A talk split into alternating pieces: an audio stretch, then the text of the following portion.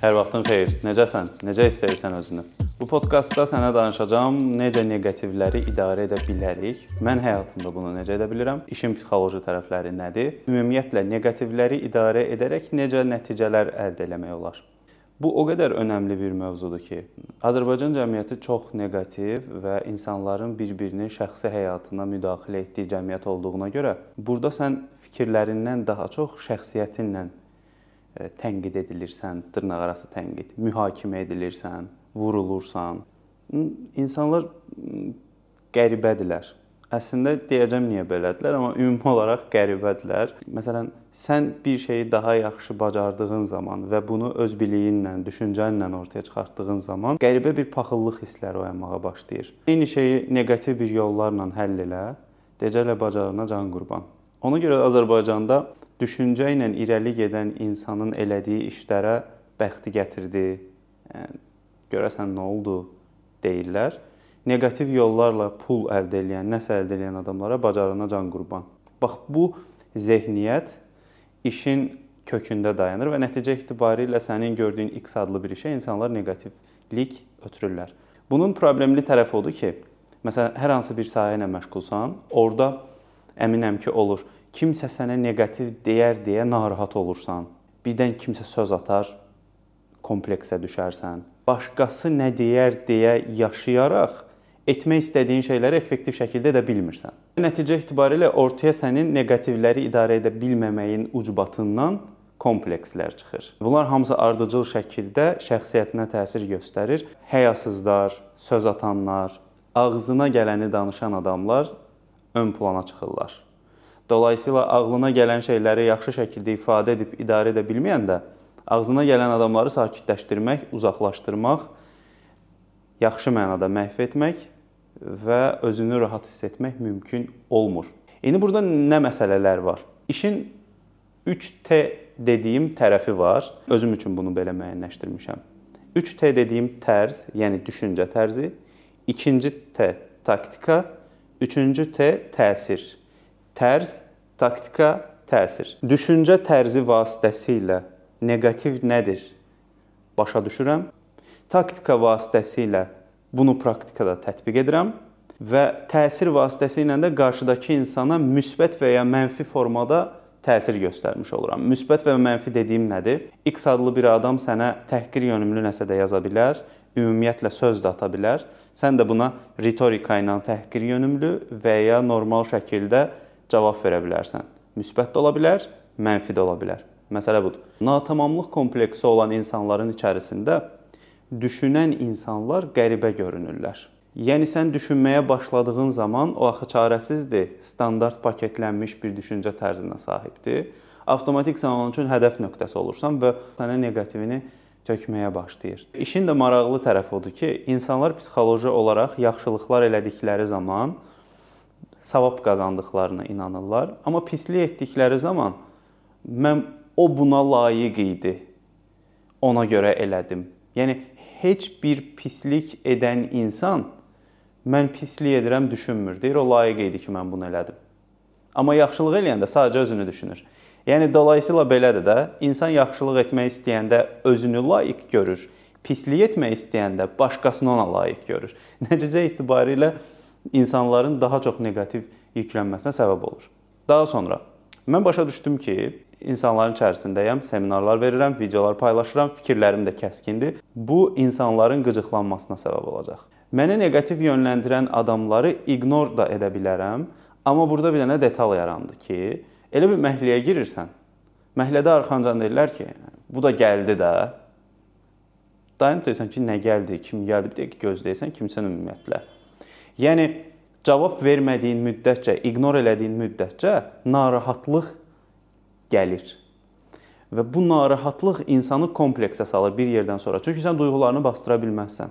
Necə ola bilər? Sənə söz atırlar və sən deyirsən ki, mən onu ciddiyə qəbul eləmirəm. Bax bu dediyim düşüncə tərzi məsələsi budur. Hətta səni söyənlərə belə elə mədəni formada cavab verirsən ki, söyüşdən betər olur. Düşüncə tərzin var. Onu elə yerində otuzdurursan ki, o sakitləşir. Taktikadan istifadə edərək və təsirli cümlələr quraraq o bayaq başda dediyim məsələ. İndi işin digər tərəfi. sən neqativləri həll edə bilməzsən. Məhv də edə bilməzsən. Sadəcə idarə edə bilərsən. Çünki neqativ idarə olunan bir şeydir. Sən idarə etməni ələ aldığın zaman bütün vəziyyətlərdən çıxa bilirsən. Problem odur ki, özümüzü idarə etməkdə çətinlik yaşayırıq deyə avtomatik olaraq neqativ yönləndirən adam bizi təsir altına salmış olur. Belə bir detal. Öz duyğularını ifadə edə bilən adam özünü, qarşıdakının duyğularını ifadə edə bilən adam qarşıdakını idarə etməyə başlayır. Neqativ də belə bir şeydir. Sənə neqativlik ötürən adamı duyğularını ifadə edib onlara cavab verdiyin zaman onu idarə etmiş olursan. İdarə etmə vəziyyəti sənin istədiyin kimi formaya gətirməkdir. Özümdə neqativi 3 hissəyə ayırmışam. 3 qrup neqativ var mənə görə. 1. Şəxsi həyata birbaşa edilən müdaxilələr. Bu nədir? Evlənmisən, boşanmısan? A, niyə evləndi? Niyə boşandı? A, bu da birlikdə necədir? Özünü ağıllı hesab eləyir. Tipli söz atmalar və neqativlər. Sırf şəxs yönümlü, şəxsiyyət yönümlü olan neqativlər. İkinci neqativlər ictimai neqativlər hesab edirəm. Yəni sənin bir sosial nüfuzun var. Sosial nüfuzunu yerə vurmaq, əzmək, lağlağı vəziyyətinə gətirmək üçün sənə deyilən fikirlər. Və üçüncü neqativ dünya görüşü və təhsil. Bunu niyə belə adlandırıram? Məsəl üçün sənlə danışa bilmir, danışma potensialı yoxdur. Sənin dünya görüşünə, biliklərinə söz atmağa başlayır. 2 kitab oxuyub filan şey olub. 3 kitab oxuyub hardansa əzbərləyib gəlib danışır və s. və s. Bu üç qrup kateqoriyada olan insanları bölürəm və mənə yönləndirilən neqativlərə uyğun da cavablar verməyə çalışıram. Və həmin cavablara uyğun da onlar hərəkət eləmiş olur. Hətta marketinqdə neqativ elə bir şeydir ki, mən bunu şuurlu propaganda vəziyyətinə belə sala bilirəm. Yəni sənə nifrət edən bir adam nifrətini hər yerdə danışır və dolayısıyla səni daha çox irəli aparmış olur. Çünki 10 nəfərin içərisindən bir nəfər çıxıb deyəcək ki, bir dəqiqə dayan. Bu qulaq asaq görək adam nə danışır. İndi e, bəzi neqativlər göstərəcəm sənə ki, bunlara mən hansı cavabları verirəm. Bu arada önəmli bir məsələni deyim. Mənə görə ən mənasız neqativ o hansı ki, bunu şəxsi həyata olan neqativə aid eləyirəm. Ən mənasızı heç nə deməmisən o haqqda heç nə danışmamısan, o adam sənə qulaq asıb, sənin haqqında fikir formalaşdırır. Sonra onu sən eləsənmiş kimi insanların içərisində yazmağa, rəy yazmağa, danışmağa başlayır. Çox qəribədir. Heç nə deməmisən ha, atır üstünə. Məsəl üçün indi oxuyuram neqativin birini. Hə, düzdür. Əslində düz və maraqlı danışır, amma nəsə uşaqlaşdırır Məncə özündən razılıq var. Yəni mən bilirəm, siz bilmirsiniz. Bax dediyim neqativ budur. Mən özümdən razıyam. Mən bilirəm, siz bilmirsiniz məsələlərini heç arada istifadə etməmişəm. İkinci, mən bilirəm siz bilmirsiniz görüntüsü yaratmamışam. Belə bir niyyətim yoxdur. Ümumiyyətlə düşüncə tərzim belə bu yöndə deyil. Yəni mənim demədiyim şeyləri götürür orada, dediyim şeylər qalır kənarda, öz istədiyi kimi şərh verir. Neqativdir. İndi bu adama cavab yazmışam mənə geri dönüş eləyib. Niyə acığınız tutur? Əgər izləyicidə belə hiss yaradırsınızsa, bir psixoloq kimi bunun üzərində fikirləşməlisiniz. Mən ona görə yazdım ki, biləsiz və dəyişəsiz.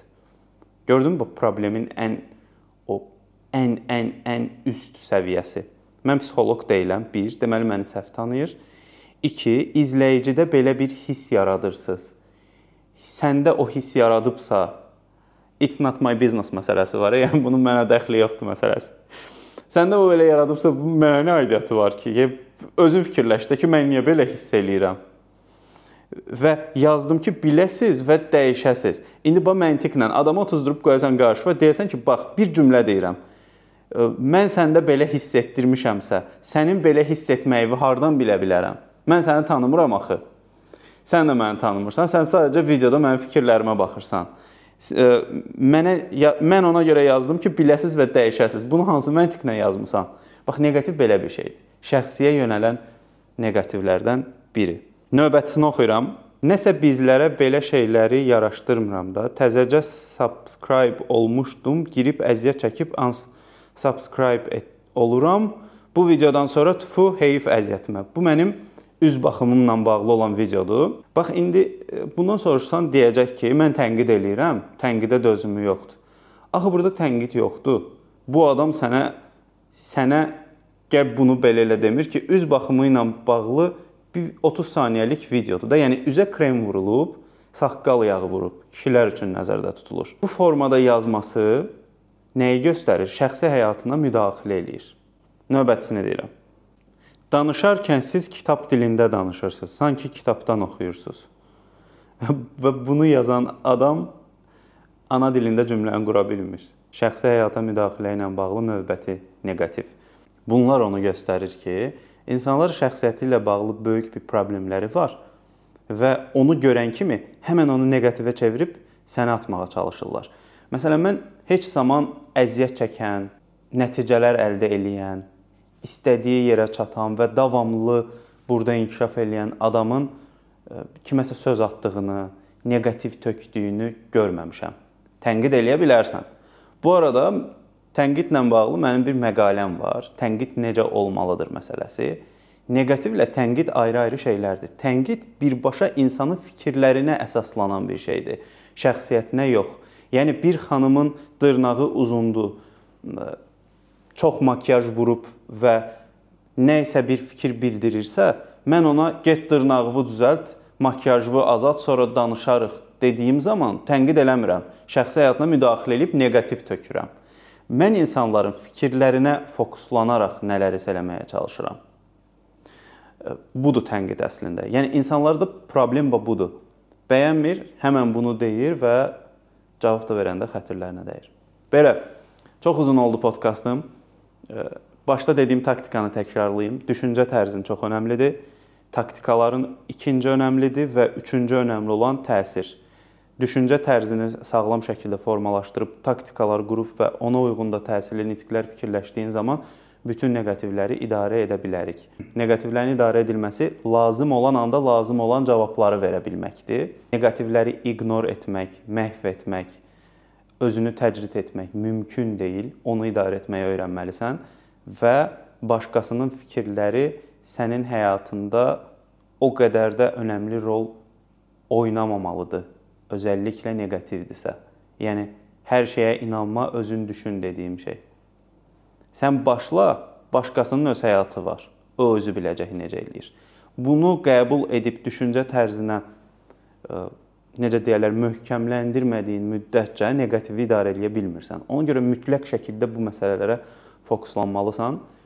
Bir yerdən sonra artıq neqativ sənin üçün bir həzz vasitəsi olur ki, cavab verib susdurursan onu, oturur yerində. Belə, çox sağ ol dinlədiyinə və izlədiyinə görə növbəti podkastda görüşərik. Sualların, fikirlərin, əlavələrin olsa mütləq yaz. Hələlik.